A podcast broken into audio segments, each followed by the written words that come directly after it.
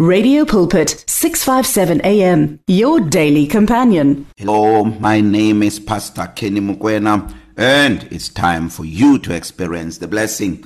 We always start our show with a word of prayer. So let's pray. Father, thank you so much for my brother, my sister who's listening right now. Pray that you bless them, you touch them, you meet them at the point of their need in the name of Jesus Christ. I hope you are doing well where you are enjoying the goodness of the Lord.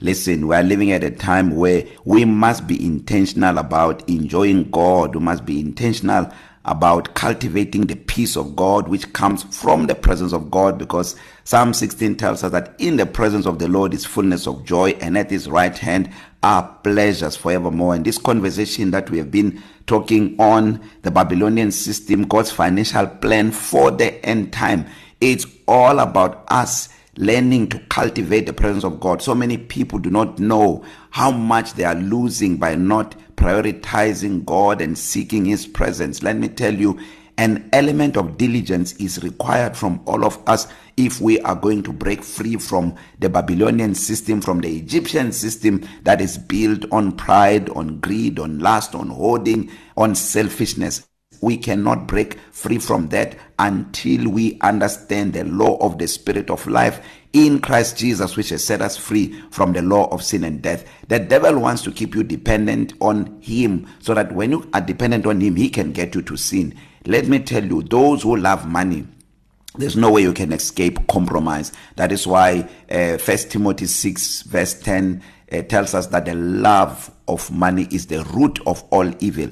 Before someone can be evil the devil will bring the love of money. Even in James chapter 1 when you read verse 14 it, the bible tells us that we are led astray by our own desires which entices us. The devil uses our own desires to to lead us away from the presence of God. But today I want to remind you of the importance of seeking God of cultivating his presence. That's why you know uh, when you look at Jeremiah chapter 29 uh, the, the the the the prophet there's uh, God speaking through him. Uh, God says that I know the thoughts that I think towards you says the Lord. Thoughts of peace and not of evil to give you a future and a hope. If you look at just that scripture God says I am the one that give you a future and it, that future is secure. We also see this in Isaiah 45 where God talks to talks about his anointed Cy, Cy, Cy, Cyprus where he says um um I've held you by my right hand to subdue nations before you. He says I will go before you and make all the crooked ways straight. I'll remove the snares on your path. You know I'll break uh, uh, pieces the iron uh, the, the gates of bronze and cut the iron bars. I will give you the treasures of darkness hidden riches of secret places that you may know that I the Lord call you by name. This is our God. And I want to tell you this that your future is secured in God but there is no future outside of God. The the future outside of God is doom and gloom and despair and at the end of the of of of, of it all. Eternal damnation. That is what the devil wants to do. He wants to keep you so busy and not have time for God not have time to spend with God not have time you know to serve God to fulfill divine purpose to fulfill the will of God for your life. That's what the devil wants because the bible tells us that he has been cast down with great wrath and he knows that his time is over. His time has has, has come to an end. Is destined for for judgment and wants to take so many people as possible. With him to hell. Don't be the one that is deceived and end up in that wrong place because you do not understand the things of God. And this message that we are talking about right now the Babylonian system is to expose it to show you that you know what? The devil wants you to serve him.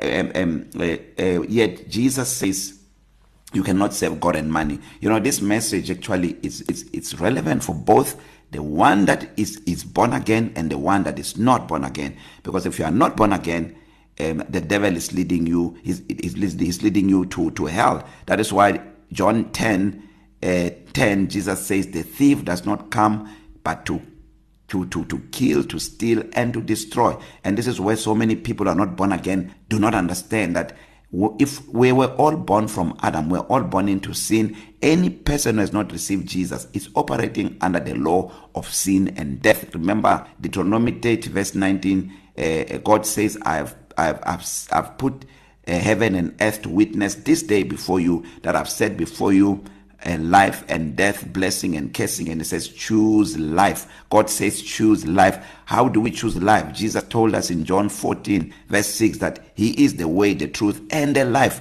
He says, No one goes to the Father except by Him. That is why we are set free from the Babylonian system, which is a system of dependence by the law of spirit, of the spirit of life in Christ Jesus. And when we talk about the law of the spirit of life, we're talking about life in Christ which is facilitated by the Holy Spirit. That is why nobody can break free from the system of dependence which the devil thrives on except through giving your life to Christ. When you give your life to Christ it gives you the Holy Spirit. The Holy Spirit now empowers you you know to to do what you couldn't do in your natural ability. Remember people that are not born again you cannot resist satan. That is where the addictions come from strongholds come from bondage come from. You just find yourself doing the things you do not want to do because why? There is a power that is working in your body. And the bible tells us this in the book of romans chapter when you read romans chapter 7 from verse 21 the apostle paul says the things i don't want to do i find myself doing. He says who will deliver me from this from this misery uh, uh, this sin that is living in my in my body? And then the bible says the answer is in Jesus Christ. He is the solution. He's the one that facilitate our freedom. He started facilitating this freedom when he died on the cross and the victory was was sealed when he rose from the dead. The Bible says he disarmed principalities. He made a public spectacle of them triumphing over them on the cross. So I want to tell you this that if you are not born again, do yourself a favor There is only one way recorded in the scriptures for you to break free from the law of sin and death. If you do not break free from it, the devil is going to keep you in sin, in bondage, in fear, in despair, depressed, anxious, sick, and all that, and eventually will take you to hell. The only way to break free from that is to give your life to Christ, and then you become set free from this law of sin and death. You become set free from the Babylonian system. That is why when you get born again, the first thing you must learn when you get born again is to learn generosity, because in the kingdom of God system, we thrive through generosity. It's opposed. That's why we're talking about The Babylonian system is the system that is opposed to God. It's an organized world system functioning under the spirit of mammon that is opposed to God. So this system keeps you in bondage. It keeps you in debt. There's nothing that you can do. It it it, it demands it from you. There is no other way of breaking free from it except giving your life to Christ. You cannot find look even if you find people who are who are not born again you know who are who are generous who believe in giving in giving to the poor you just see a fraction of that but there is a whole lot that works for the devil behind behind the scenes and if you check all these people that have money but they are not born again you check their lives you find that a lot of them are not married. Their children are in drugs you know uh, they are sick. Look at Steve Jobs for instance. That guy had money but he died a miserable death. You know he died a miserable death. You look at a lot of people that are rich but they are without god.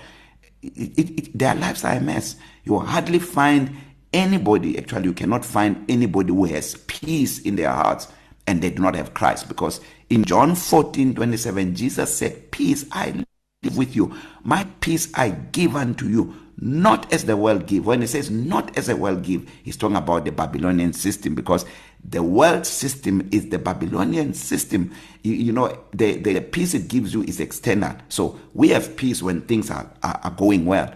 But when things are not going well the peace is lost. But the peace Jesus give us is eternal internal peace which does not depend on anything that is happening externally. So when it comes to the kingdom of God we live inside out not outside in. The world system it lives outside in. So i am happy. I am in peace when everything is going well. Where can you find a time where everything is going well? Because even us as believers the devil is our opposition so he can come and harass you in your marriage he can come and harass you in in in in, in your finances in your job and stuff like that but when you are in Christ and you have set the Lord always before you. David says, I have set the Lord always before me because he's at my right hand. I will never be shaken. And Isaiah 26 verse 3 it tells us that he will keep him in perfect peace whose mind is stayed in him because he trusts in him. So we know that anything that happens in our lives when we operate under the law of the spirit of life in Christ Jesus we know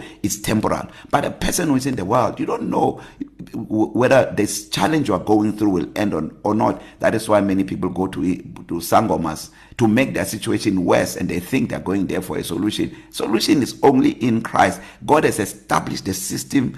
It's like that. It's either mammon or God.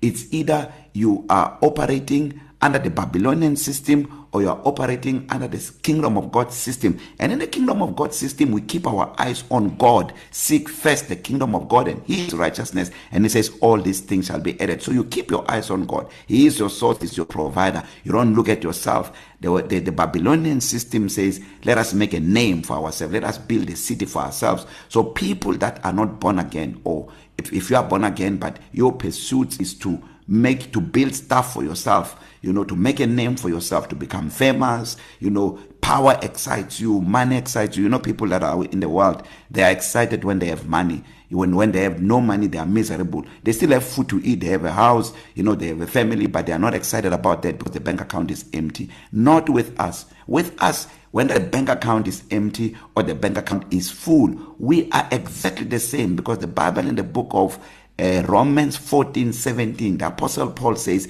the kingdom of God is not eating and drinking but righteousness peace and joy in the holy spirit. So God in the kingdom of God system demand contentment because when you are content you are content in every state. You are not worried about what comes to you. As a matter of fact for us who are in the kingdom of God even when a challenge come The Bible tells us that God will not allow a challenge to come which we are not able to bear. It says that in every challenge we face, God has already provided a way of escape. So we know that this thing is temporary. The Bible says we do not look at the things that are seen because the things that are seen are temporal. We look at the things that are not seen because the things that are not seen are eternal. So This is the difference between the law of sin and death, which is the Babylonian system, and the law of the spirit of life in Christ Jesus. You and I were called to be generous. We are called, you know, to use everything that we have to, to serve God and to serve people. And this is what the cross of Christ is all about. The vertical beam that talks about our relationship with God and the horizontal beam of the cross that talks about our relationship with one another. The horizontal beam cannot stand without the vertical beam, but the vertical beam can stand without the horizontal beam. So anyone who's trying to build something without a vertical beam, which is the kingdom of God system that moves from the earth, that's why if you look at the beam, it it starts from the from the earth going up. Even when you look at Jacob when he was perplexed in Bethel, the Bible says angels descended from him to God. So So this is what it's all about. We do not look around. We look up. We don't look at the horizontal system. We look up. But anybody, everyone who is in the Babylonian system, they have to look around because they can't look up. The vertical beam is not there. And that is why their sustenance is temporary because there is no vertical beam that is holding them up. Just look at the businesses. If you are listening to me right now and you know you you you you you, you all of us who have lived in townships and so on You just look at the businesses that were thriving at the time you were growing up. Look at just imagine them, the ones that were thriving at the time you were growing up. And they were thriving not knowing God. Where are they now? They are probably occupied by an, a, a Nigerian shop or an Arab or it's just a dilapidated building. Why? They were trying to build something using the horizontal beam without the vertical beam. It's the Babylonian system. It has no enduring effect. It does not have a lasting effect. When storms come, they break it down. That is why Jesus talk about a man who built his life on a rock and a man who built his life on sand. Building life on sand is life without Christ. It's sinking sand. When the storms come and beat against that house, Jesus says that house will fall and great will be its fall. So today, do not invest in the Babylonian system. Do not invest so much of your time and your energy on pursuing worldly wealth apart from God. Let God be the one that bless you. He says, seek first the kingdom of God and his righteousness and all these things that the Gentiles are seeking after they shall be given to you or they shall be added to you. I've run out of time. Let me pray for you right now. Father, thank you so much for this time that you have given to us in your presence. Touch my brother, my sister who's listening to this now. In Jesus' name, amen and amen. I want to give you an opportunity to make Jesus the Lord of your life, receive Christ and be set free right now from the Babylonian system. So make this prayer with me. Say, Lord Jesus, I receive you now as my Lord and my Savior. Amen and amen. If you made that prayer, you are born again. You're my brother, you're my sister. I will see you in heaven. I love you so much. God bless you and may you experience the goodness of the Lord every moment of every day. God bless. There is radio and radio, and then there is 657 AM. Can you hear the difference?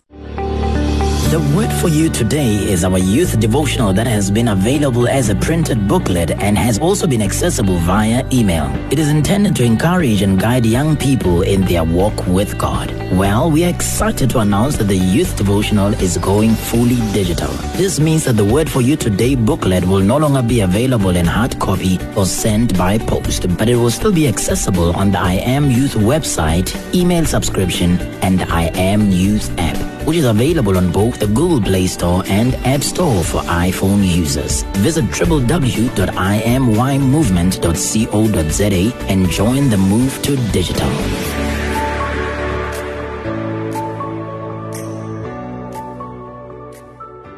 You and 657 AM and life, a winning team on the road to eternity.